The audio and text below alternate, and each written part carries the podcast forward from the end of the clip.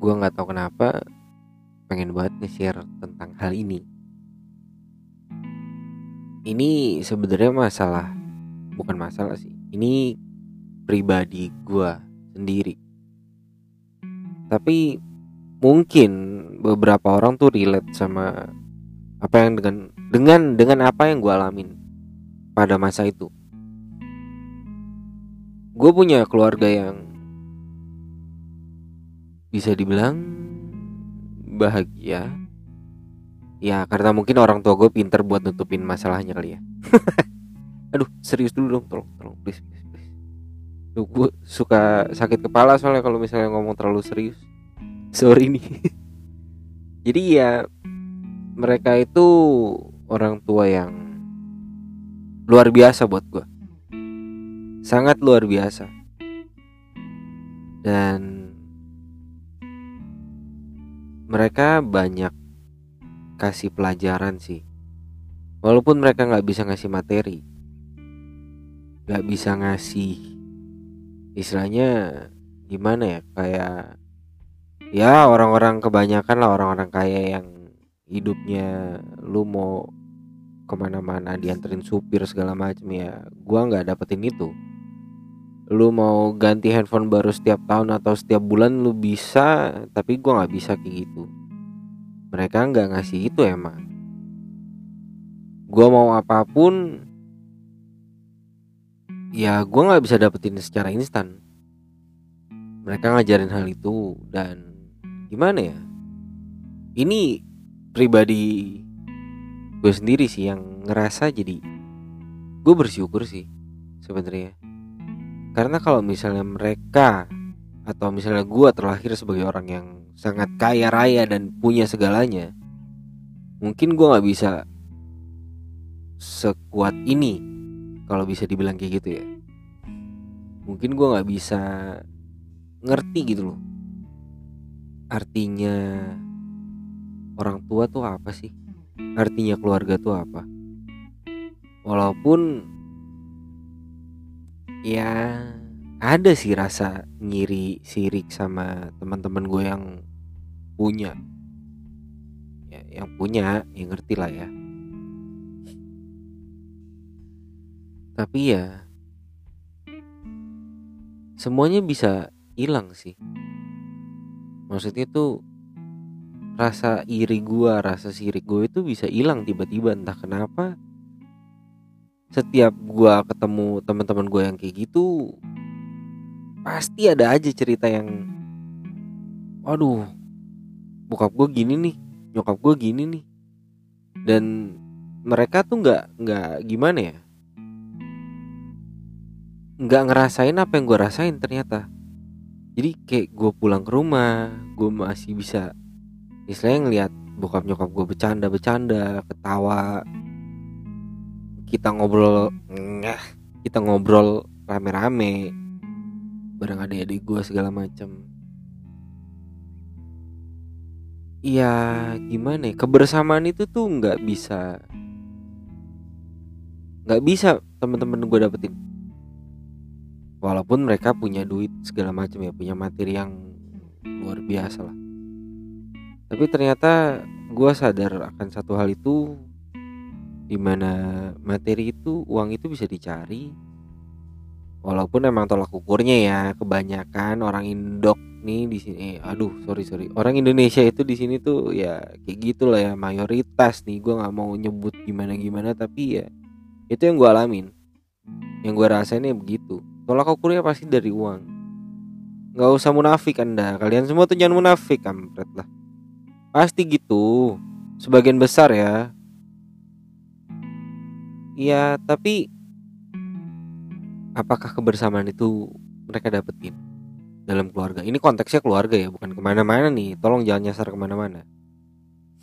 Jadi yang gue rasain begitu sih. Gue ngerasa walaupun ada satu titik gue mikir besok gue makan apa ya?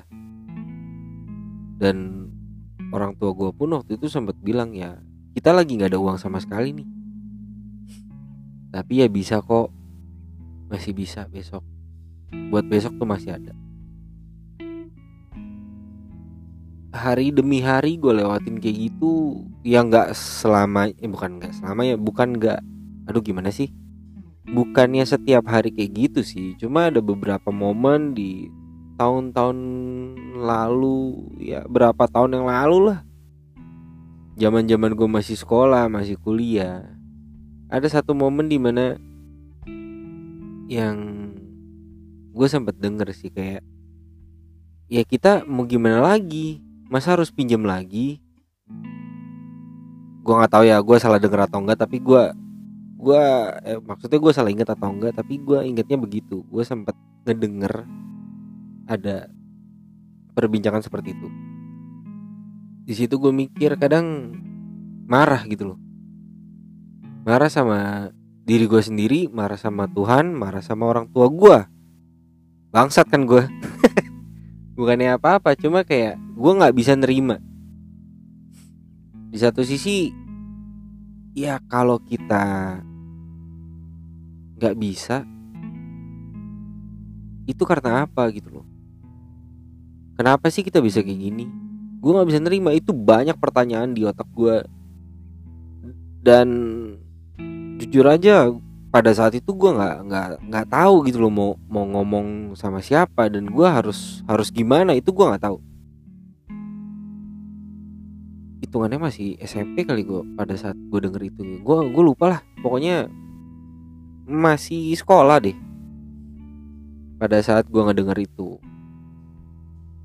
Sampai akhirnya beranjak semakin dewasa umur makin tua masuk SMA masuk kuliah ya ada aja masalah-masalah kecil kayak gitu. Cuma ya bersyukurnya bisa dilewatin dan gue mungkin bisa dibilang nggak terlalu deket sama bokap gue walaupun ya yang kayak tadi gue bilang gue pulang ngeliat mereka ketawa-tawa gue bisa ketawa bareng segala macam. Tapi gue nggak nggak ngerasain gimana ya uh, kedekatan orang tua dari seorang ayah sama anaknya tuh harusnya gimana sih? Gue mencari-cari hal itu. Gue bertanya-tanya dan kadang gue suka sirik juga nih. Nih nih bangsatnya gue tuh ya kayak gitulah. Gue suka sirik dengan hal-hal orang yang orang lain punya, tapi bukan hal-hal yang gimana-gimana ya. Hal-hal aneh menurut gue. Menurut gue pribadi ya, mungkin orang nggak pernah sirik tentang hal ini. Tapi gue gue tuh ngiri. Gue ngeliat kayak misalnya di mall bukan temen gue atau siapa pun itu gue ini stranger yang lagi jalan-jalan orang-orang yang nggak dikenal segala macam di dalam mall. Laki anak laki. Mungkin sepantaran gue pada saat itu dia bisa ngobrol sama bokapnya ketawa-tawa bisa bercanda-bercanda segala macem. Dan gimana ya kayak temen gitu loh. Terus di situ gue ngelirik bokap gue kayaknya gue nggak bisa kayak gini dah. Kok gue nggak pernah ya kayak gini ya?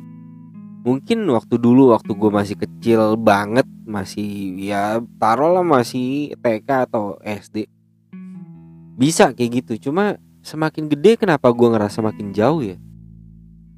Semakin gede tuh kenapa gimana ya? Kok kayak ada gapnya yang sangat besar?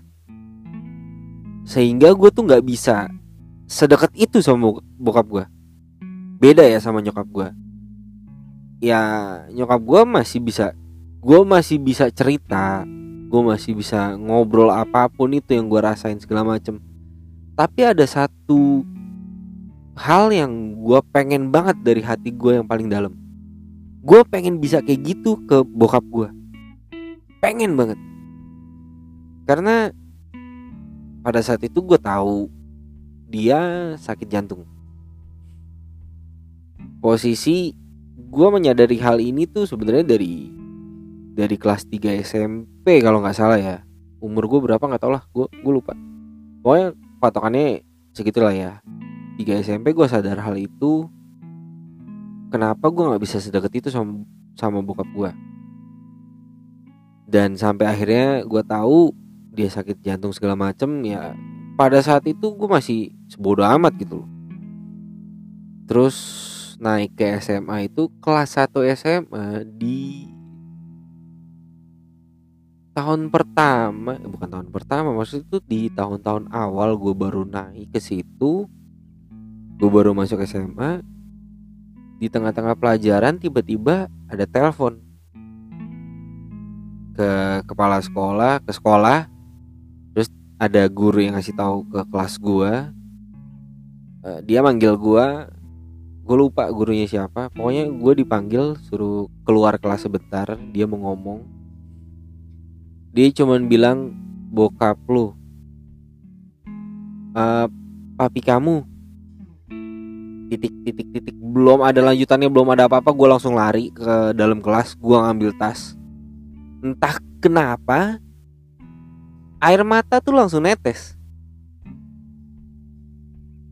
Sorry to say tapi cowok yang bilang cowok itu nggak boleh nangis segala macam itu dibilangnya bencong apa segala macam ah, lu tai. Cowok itu nggak ada masalah kalau nangis. Dia bukan yang menunjukkan sisi lemah atau gimana. Wajar. Wajar banget cowok nangis. Dan gue nggak peduli pada saat itu emang ya entah kenapa tiba-tiba keluar aja tuh. Netes air mata senetes netes entah gimana ceritanya gue bisa dalam otak gue cuma anjing gue belum kesampaian deket sama bokap gue tapi aduh jangan sampai nih. Masa kenapa-napa? Gue pengen gitu loh pengen ada waktu gitu loh sama dia. Gue bisa cerita banyak hal sama dia gue pengen banget. Sampai akhirnya di situ gue langsung ya udah gue bodo amat gue jalan ke rumah sakit. Gue jalan gue ngelihat bokap gue udah di ranjang di kasur rumah sakit ya masih sadar. Cuma di tangannya udah ada selang infusan segala macem. Sadar masih sadar kayak ya kayak orang normal gimana sih? Maksudnya tuh kayak ya mungkin baru siuman atau gimana gue nggak ngerti lah ya. Kondisinya pokoknya pas gue nyampe ya kondisi bokap gue sadar. Tapi dengan ya itu selang-selang itu. Terus ada dokternya ada susternya ada nyokap gue adik gue nggak tahu. Cuman gue doang yang datang di situ. Seingat gue ya itu gue untuk pertama kalinya setelah sekian tahun mungkin ya. Pertama kalinya di umur gue segitu di kelas 1 SMA itu gue nangis di depan bokap gue gue cuma nanya tapi nggak kenapa-napa kan?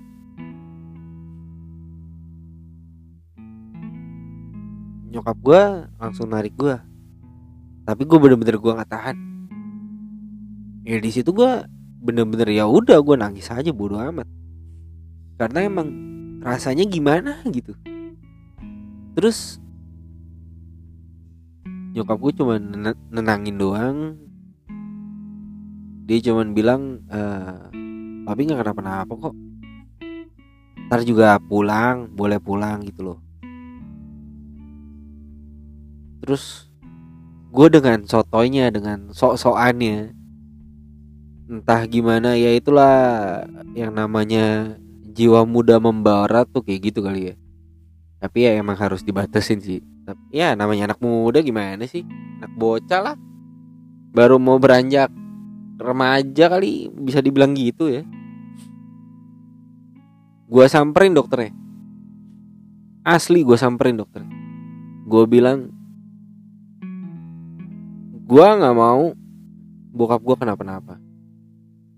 Kalau lu sampai nggak bener abis lu sama gue gaya banget kan? Gimana ya? Tapi entah kenapa itu terucap gitu aja. Entah gimana gue nggak ngerti. Tapi ya itu ngomong gitu aja dalam hati tuh kayak gue nggak rela kalau bokap gue pulang sekarang gitu loh. Maksudnya tuh ya pulang ke rumah bapak sekarang saat itu juga gue nggak rela. Ya gue maunya ya dia pulang ke rumah bareng gue sama nyokap gue dengan keadaan sehat normal gitu loh. Dan di situ nyokap gue langsung narik gue lagi dia bilang ya pokoknya intinya bokap itu harus dipasang ring operasi lah.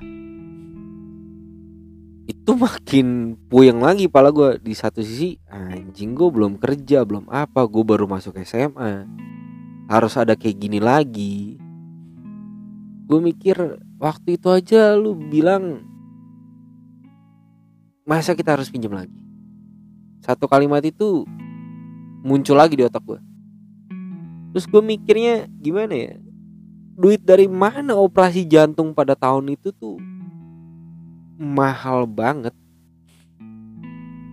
100 jutaan ada kali ya 70 sampai 100 juta pada saat itu mungkin ada nyampe kayaknya dan belum ada BPJS segala macem kan? Terus juga mau bantuan dari mana? Gua nggak ngerti lah pokoknya. Ya singkat cerita itu akhirnya bokap gue dipasang ring. Itu mungkin sekitar tahun berapa ya? 2007 ya? 2007 tiga tahun berlalu 2010 gua udah lulus sekolah Nah di sini mau kuliah, bokap gue selalu nyaranin lu ngambil ekonomi ya di kampus ini. Uh, eh, gue mikir boleh gak gue ngambil seni aja. Pokoknya yang berbau seni deh. Gimana ditanya kan? Di KJ Waduh, ngamuk men. Ya, dia nggak ngamuk secara langsung sih, tapi ngomong ke nyokap gue, dia bilang, ya pokoknya intinya tuh, ya dia maksudnya sih baik ya. Dia ngelihat dari ponakannya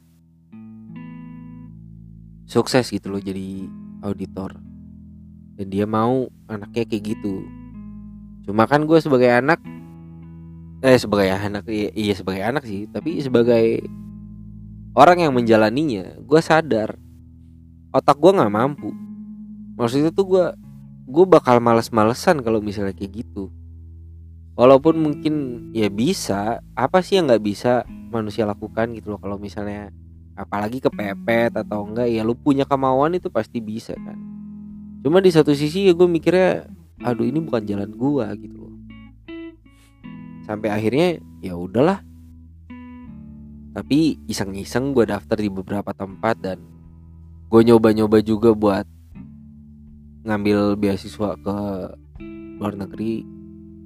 Ada beberapa tempat yang diterima cuma ya gue nggak bilang gue nggak ngomong gue cuman ya udah angan-angan aja gitu loh. Karena dia udah maunya gue di satu kampus ini ya udah gitu dan akhirnya ya udah gue daftar di kampus itu ditanya kan udah belajar belum? Dianterin. Dianterin gue bertigaan sama bokap sama nyokap ke kampus itu pagi-pagi. Gue dianterin di sepanjang perjalanan ditanya udah belajar apa belum? Yang tadi gue bilang kan. Gue bilang enggak sih gue nggak belajar apa apa gue bilang gitu. Wah kayak gimana sih ya? Ya namanya orang tua kalau misalnya denger kayak gitu kan was was juga lah. Apalagi mungkin ya mungkin mereka tahu anaknya goblok nih si anjing. Masa lu nggak nggak belajar sih? Udah tahu otak lu kayak gitu masa lu nggak belajar? Terus gue cuma nenangin mereka gue bilang kan papi sama mami tahu slogannya kampus ini apa? Gampang masuk keluarnya susah ya udah kita buktikan. Gue gituin sambil gue bercandain segala macam kan. Tapi ya iya tetap aja lah namanya orang tua kan. Nasihat-nasihat ceramah-ceramah segala macam ya udah gue telan aja. Sampai di kampusnya gue masuk gue ujian terus terang ya dari soal nomor satu sampai yang terakhir dari sekian banyak soal gue nggak nggak tahu gue jawab apaan sumpah yang paling gue isi iya bahasa Indonesia itu. Baca bacaan segala macam bahasa Inggris udah itu itu doang. Sisanya ngitung hitungan gue cap cip cup ngitung jari kuku ngitung panjang pensil pakai berapa mili berapa mili pakai penggaris. Gue hitungin aja buat buat jawab A B C D E nya. Ya entah gimana ceritanya akhirnya gue lolos masuk di kampus itu dan ya lama lulusnya. Walaupun nggak lama-lama banget sih. Kuotanya itu nggak nggak sampai gue maksimalin kok. Tenang aja. Gue masih ada spare berapa tahun sampai kuota itu penuh. Masih dibilang kalau anak-anak di sana sih bilangnya untuk gimana ya? Untuk membahagiakan diri sendiri kali ya. Kita lulusnya cepet kok. Ukuran anak-anak di sini lulusnya cepet kok segitu meh oh ya udah bagus kalau gitu. Berarti gua nggak salah kan? Nggak nyampe tujuh tahun kok. Nggak nyampe nggak nyampe sama sekali. Untungnya nggak nyampe. Kalau misalnya lagi singit mungkin bisa kali kayak gitu. Dan sebenarnya selama berapa tahun itu gua kuliah sempat sih be beberapa kali gue minta buat pindah. Karena gue nggak kuat gue terus terang sama mereka gue nggak kuat otak gue nggak kuat. Gila gue bilang. Nggak sanggup dan di satu sisi selain nggak sanggup gue nggak suka. Menurut gue nggak berguna. Kayak mungkin yang di episode sebelumnya gue pernah bilang kan kuliah itu menurut gue nggak guna sama sekali apalagi di kampus ini dengan mata kuliah yang seperti itu dan ditambah dosen yang kayak gitu gitu. Gue jelasin ke mereka karena ini sebenarnya jadi pembenaran diri buat gue sih. Salah sih. Salah sebenarnya salah. Tapi emang jadi pembenaran diri akhirnya gue bilang gini. Kalian tahu gak sih mami sama papi tuh tahu gak kalau misalnya di kampus tuh apalagi yang gue alamin sekarang kayak tai dosen-dosennya gue gituin masa bisa lulus dengan kayak gini doang. Terus tiba-tiba nggak lulus gara-gara satu huruf salah. Kan anjing ada yang kayak gitu sumpah ada. Gue satu huruf salah disalahin satu nomor nomornya nggak dikasih upah nulis nggak dikasih apa-apa pokoknya dicoret semua itu nomor. Kan nggak make sense ya. Kan tai ya kayak gitu ya ya itu nggak ngebangun sama sekali. Makanya gue sempat bilang ya pendidikannya itu ya kurang walaupun ya gimana ya? Materinya bagus. Cara pengajarannya itu yang tai yang bodoh menurut gue itu nggak nggak ini sama sekali. Itu bukan cara ngajar sebenarnya. Itu cara buat dapat duit. Ya dengan lu nggak lulus kan lu bayar lagi dong untuk SKS yang mata kuliah itu. Yang untung siapa? Kampus siapa lagi? Dosen-dosen ini dapat tambahan segala macam kan? Mungkin ya gue nggak tahu kalau dosen-dosennya tapi yang jelas untung dari mana? Kampusnya lah. Lu ngulang berapa kali kan dapat duit mereka? Kan bangsat kayak gitu. Anjing iya gak sih? Ya makanya gue bilang nggak penting sebenarnya. Gue ngerengek ngerengek segala macem ya pokoknya nggak boleh lah ya. Iya bener sih alasannya duit dari mana? Lu kuliah di sini aja udah setengah mati perjuangannya. Oke. Okay. ya udah iya iya gue paham. Sampai di satu sisi dari 2007 bokap gue diring jantungnya. Di 2016 itu berapa tahun nih Aduh matematiku gue goblok banget. Pokoknya tentang waktu segitu Dia masih bisa hidup dengan uh, Bisa dibilang Dengan penuh perjuangan dan penderitaan Sakit di dadanya. Tapi ya balik lagi namanya orang tua Gak pernah mau ngasih lihat kayak gitu. Tapi ya sesekali gue lihat. Sesekali tuh gue lihat. Lagi megangin dadanya kesakitan nyeri segala macem gue lihat kok. Akhirnya balik lagi ya ke topiknya gue gue deket sama bokap gue akhirnya tuh aduh. Kadang suka nggak kuat kalau misalnya mau cerita kayak gini. Gue deket akhirnya pada saat di 2016 itu gue deket. Dan di awal gue deket ternyata itu jadi akhir juga dari kedekatan gue itu jadi dari tahun-tahun sebelumnya sebenarnya gue berusaha tetap berusaha. Gue pengen banget deket sama bokap gue pengen. Sumpah mati gue pengen banget. Ya gue berusaha lah. Gue cerita ini itu segala macem. Tapi ya semakin hari itu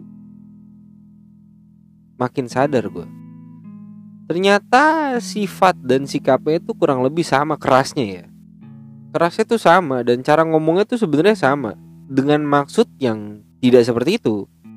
Cara ngomongnya mungkin agak bisa dibilang nada tinggi atau kasar atau gimana, tapi nggak nggak bermaksud seperti itu. Akhirnya gue coba untuk memahami hal itu dan semakin hari semakin hari dari uh, dari semua itu ya bersyukurnya sih ya bisa lah. Maksud itu bisa nyampe gitu loh. Apa yang gue pengen tuh bisa akhirnya kesampaian gitu walaupun mungkin ya mungkin belum 100% sih. Di situ wah gila. Senengnya bukan main sumpah. Gue lebih seneng itu daripada gue nerima ijazah sama make toga. Entah kenapa ya gue lebih seneng itu itu kayak satu achievement yang nggak mungkin bisa lo dapat lagi nanti. Itu satu achievement yang menurut gue abadi banget. Nggak kayak gue nerima ijazah S1 enggak ya bisa aja nanti kalau misal gue mau S2 ya gue bisa dapat lagi tuh ijazah. Ijazah SMA ijazah SMP gue dapat. Ijazah itu kan berulang terus kan selama berapa tahun itu. Tapi buat buat satu hal ini nggak bisa gue dapetin lagi. Nggak akan pernah bisa lagi. Ini satu-satunya kesempatan dalam satu lingkaran hidup gue ya ini satu-satunya kesempatan pertama dan terakhir gue selama bokap gue masih hidup dan selama gue masih hidup. Ya dong. Bener dong. Nggak bakal tergantikan dan gue bilang sama dia akhirnya gue berani ngomong. Gue bilang aduh gue gak kuat aja gue bilang ya ini pakai bahasa gue aja lah ya. Kasih kasih aja. Gue sayang sama Lupi uh, Joy sayang banget sama papi. Aduh dan setelah berapa tahun lamanya akhirnya di situ gue juga gue memberanikan diri untuk ngomong itu dan sambil gue peluk gue bilang gue seneng akhirnya gue bisa deket sama lo tapi gak berlangsung lama. Ya mungkin kurang lebih setahun lah sampai akhirnya dia meninggal itu gue ngerasain yang bener-bener deket tuh gimana gitu loh. Dan kedekatan yang bener-bener deketnya lagi itu malah dua minggu kurang lebih ya dua minggu sebelum dia meninggal. Waktu itu ada masalah kecil dan gue berusaha buat ngobrol sama dia. Gue coba tukar pikiran sama dia gimana. Sampai akhirnya masalah itu terselesaikan Sumpah itu gue gue seneng banget di situ. Gue bener-bener akhirnya akhirnya gue ngerasain semuanya ini. Itu dua minggu sebelum dia meninggal dan seminggu kurang lebih ya dua minggu ya atau sebulan gue lupa deh. Sampai sempet pokoknya ada berapa lama dia di rumah sakit di ICU itu nggak bisa keluar sadar sih posisinya cuma paru-parunya udah kerendam air dan terus terang gue nggak pernah nyesel gue ngorbanin kuliah gue beberapa kali kelas gue bolos bodo amat gue nungguin dia. Tapi gue nungguin yang malam maksudnya jam malam sampai pagi sampai siang itu gue gua gue nungguin di situ seharian nggak gue nggak tidur sama sekali gue nggak bisa tidur gila karena ya gimana ya? Ada feeling udah ada feeling di situ. Gue bakal nggak ngeliat lu lagi. Ya mungkin ini satu-satunya cara gue bisa balas jasa dia gitu loh. Di rumah sakit di ICU kan nggak boleh masuk kan nunggunya. Pokoknya nunggu nunggu nunggu pasien yang di ruang ICU itu lu harus di ruang tunggu gitu loh atau enggak? Ya di luar kayak di mana kayak lo nggak boleh masuk sama sekali ke ruangan ICU itu. Gue di luar akhirnya karena di ruang tunggunya tuh ya nggak nggak proper banget lah itu ruang tunggu. Kayak gimana kayak gerobak sampah anjing. Ruang tunggunya kayak tai lah goblok emang. Tuh rumah sakit juga anjing juga sih gimana ya? Kesel juga gue terus di situ sempet sih beberapa kali itu kayak oh pas ini udah ada BPJS terus yang gue keselin di rumah sakit ini adalah lalai sih. Mungkin karena BPJS ya. Jadi ngelayaninnya tuh setengah-setengah dan gimana ya sorry nih ya kalau misalnya gue ngomong kasar emang gue kesel banget sih pada saat itu dan. Gue berusaha buat tenang tapi nggak bisa. Jadi dokternya sempat uh, lupa ngasih obat suntikan apa gitu gue lupa. Sempat miss beberapa kali karena nggak di cover sama BPJS gue tahu. Emang gimana ya? Gue udah tahu sih maksudnya tuh kayak ya lu nggak bisa berharap banyak lah sama peraturan-peraturan tai kayak gini. Dan yang tadi gue bilang di awal mungkin mindsetnya itu emang duit gitu loh. Lu mau sebagus apa pun rumah sakit ini atau sebagus apa pun lu sebagai dokter ya eh, kalau namanya duit ya gimana buta lu semua anjing. Akhirnya dikasih tahu kayak gitu pokoknya ada miss dua dua kali suntikan sih kalau nggak salah ya. Dua kali obat itu miss. Pas di situ gue belum tidur gue denger kayak gitu. Gue maki-maki tuh dokter asli sumpah gue maki-maki. Gue bilang eh gimana ya? Ini gue perhalus aja kali ya bahasanya ya. Karena itu bener-bener nggak nggak etis banget sih. Gue maki-maki orang tua. Si dokter ini emang udah tua si anjing ini. Ya sorry lah. Ya gimana lah? Bodoh amat lah ya. Emang kayak tai kok. Lu harus lu tuh harus sadar kalau lu salah anjing. Lu nggak ada info sama pasien bangsat. Emang anjing. Ngentot lu pokoknya dia bilang dia malah nyalain susternya sih yang gue inget ya. Ini kenapa ada miss kayak gini gini gini gini? Ah si anjing. Lu yang salah bangsat. Pokoknya ada dia ngomong apa pokoknya nggak boleh ini bisa berakibat fatal. Wah babi lu emang. Gue teriakan weh anjing. Gue gituin sumpah asli. Di depan bokap gue di depan nyokap gue weh anjing lu tau gak ini nyawa siapa? Nyawa manusia bangsat gue bilang kalau ini nyawa binatang ya nggak apa-apa lo kayak gitu. Dan pelayanan lu ini kayak tai tau gak jangan mentang-mentang BPJS lu nggak ada info sama sekali. Lu walaupun ini BPJS tapi ini play, pelayanan lu ini harus sama dong harus sama. Ini pasien yang istilahnya dalam kondisi kritis loh. Gimana orang-orang yang masih istilah ya masih sakit-sakit biasa gitu loh sakit panas atau apa bisa bisa dicuekin sampai mati kali. Kan bangsat ya. Gue bilang sekarang lu butuhnya berapa? Gue bilang gitu. Lu butuh berapa buat bisa nebus tuh obat ini?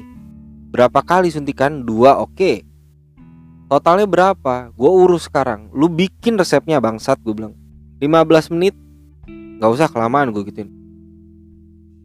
5 menit lu tulis resepnya gak selesai gue obrak abrik nih ruangan gue bilang. Ruang administrasi gue hancurin gue gituin. Asli gue gituin. Entah gimana ya ya sekarang lu mikir ya. Ya kalau ini orang tua lo atau siapa pun yang terdekat tuh digituin gitu loh pelayanannya kayak gitu. Siapa yang gak emosi sih bangsat? Apalagi kondisinya ya bisa dibilang tinggal ngitung beberapa lama lagi karena emang terus terang itu udah komplikasi segala macem. Dikasih obat pun ya kayak cuman buat nahan doang gimana sih? Gua ngerti sih cuma nggak kayak gitu juga kan cara pelayanannya si anjing satu ini.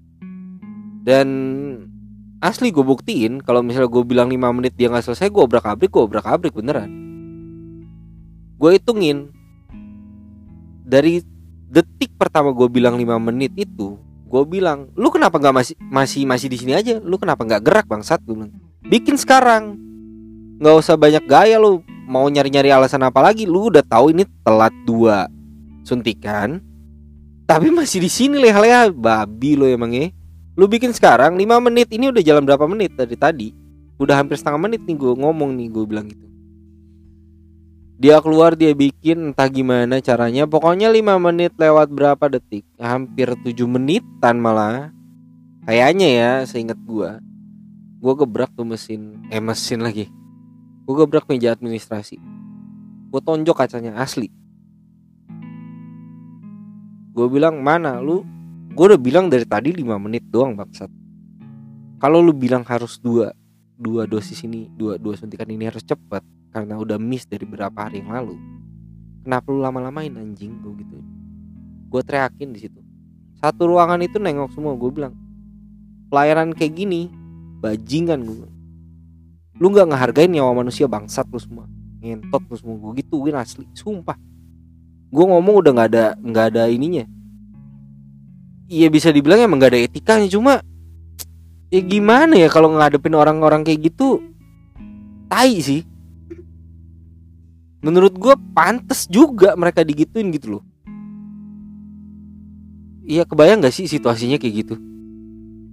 Gimana orang nggak kalap gitu loh? Untung gue bukan preman yang bukan preman gitu loh bukan bukan pembunuh atau bukan apa. Gue masih manusia yang iya manusia manusia biasa yang ngejalanin hidupnya sehari-hari dengan kesulitan dan kesenangan sana sini. Gimana gimana ya?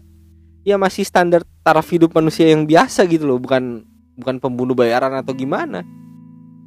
Kalau mungkin ya kalau misalnya salah satu anak dari gangster yang digituin hmm, gue yakin udah dibakar tuh rumah sakit. Orangnya mungkin dibakar hidup-hidup kali. Ya sekarang gimana? Lu bayangin aja pelayanan kayak gitu. Di satu sisi ya mereka nggak mikir apa.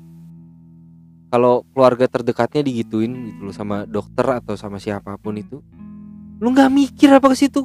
Nggak ada otak apa? Sampai satu kalimat ini gue inget banget. Lu jangan belagu cuma jadi dokter doang. Cuman modal ngafal gitu doang. Asli. Padahal gue tahu susahnya jadi dokter gimana. Tapi gue ngomong kayak gitu karena gue bilang ke dia lu tuh jangan gue pengen ngomong ke dia tuh gimana ya?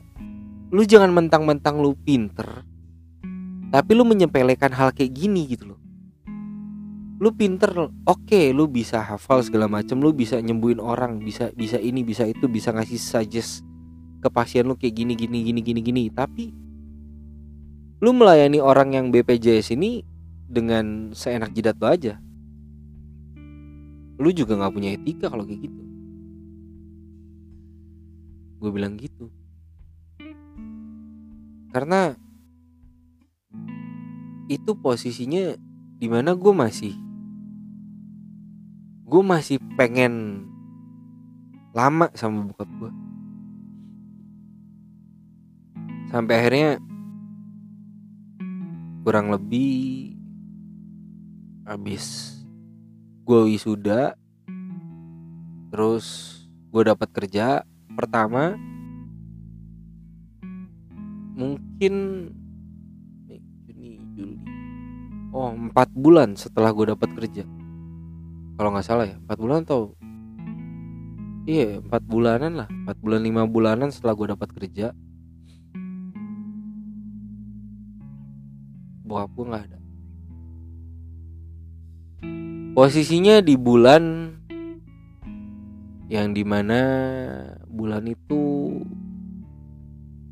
ulang tahun gue di pertengahan. Bokap gue meninggal di awal bulan itu di 2016 beda satu hari sama Mike Mohede. Sama almarhum Mike Mohede besoknya bokap gue yang almarhum. Baji Igor emang. Malamnya kita nonton loh. Kita rame-rame nonton. Sang idol ini meninggal dunia diberitain dan bokap gue bilang kita nggak tahu kan kapan kita dipanggil Tuhan. Besok ya dong dia bajingan. Bangsat. Gue gimana di satu sisi gue mau aduh tahai lah. Itu rasanya campur aduk men. Gue nggak ngerti lagi tuh rasanya kayak gimana. Sekarang aja kalau gue inget-inget tuh aduh anjing lah apa sih? Gimana sih rasanya? Makanya kan kadang-kadang tuh gue masih gimana ya? Kalau lagi keinget tuh aduh lu kenapa sih secepat itu gitu loh? Gue udah nyiapin loh. Nanti pertengahan bulan ini pas gue ulang tahun kita jalan-jalan yuk ke mana ki gue ambil cuti cuti deh bodo amat nggak peduli gue yang penting gue pengen lu seneng. Dia cuman ngelihat gue wisuda gue dapat kerja udah dia pergi gitu aja. Dua adik gue nggak ada yang ini gimana? Padahal bulan akhir tahun itu ya adik gue yang pertama mau wisuda.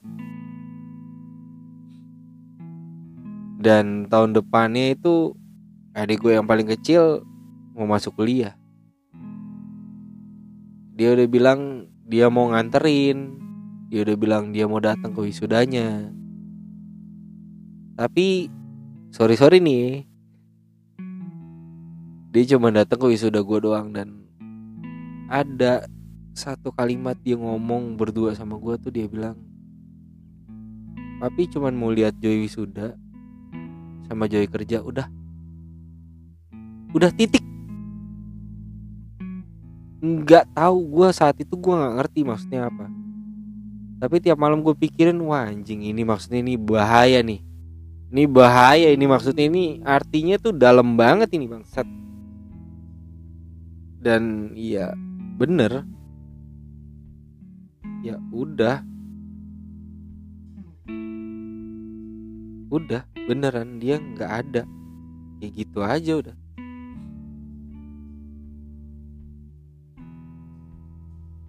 gue mau sharing ini sebenarnya waktu di ulang tahun sih tanggal 9 kemarin. Cuma aduh gimana ya? Berat sebenarnya ngomongin ini lagi tuh berat. Gue udah nggak mau terlalu dalam buat ngerasain hal itu lagi gitu loh. Karena kehilangan orang yang ada kehilangan orang tua itu rasanya gimana gitu? Apalagi posisinya dari sisi gue ya. Gue baru banget ngerasa deket banget sama dia. Dulu-dulu tuh kalau ikut retret segala macam dibilang hati bapak segala macam ah tai lah. Nangis mah nangis. Cuma pas gue balik gue pengen aplikasiin itu gue susah men. Susah. Sampai akhirnya ya gue belajar lah tentang psikologi segala macam. Hal-hal dasar sih cuma berguna. Ternyata cara mendekatkan diri ke orang tua tuh begini terutama orang tua laki sebagai anak yang sebagai anak laki gitu loh ke orang tua laki. Ya begitu caranya ya akhirnya gue bisa mengaplikasikannya itu mengaplikasikan itu dibantu sama doa dan usaha ya ya nggak ada yang gue sesali sih cuma harapan aja. Gue pengen lihat dia masih ada gitu loh. Saat gue merit gue pengen kasih tahu. Sekarang lu tuh bentar lagi punya cucu men. Lu nggak mau lihat cucu lu ganteng lo kayak gue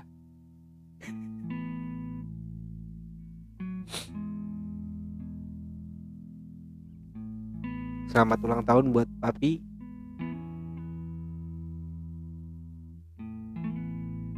Udah gak sakit lagi Dan Sorry banget telat ngucapinnya.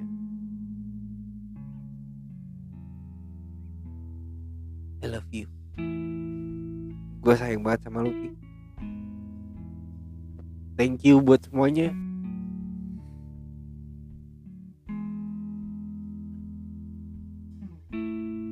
Makasih banyak buat pelajaran moral yang udah ditanemin ke gue gue tahu lu nggak bisa ngasih materi apa segala macam tapi yang lu kasih ke gue itu jauh lebih berharga daripada materi. Thank you banget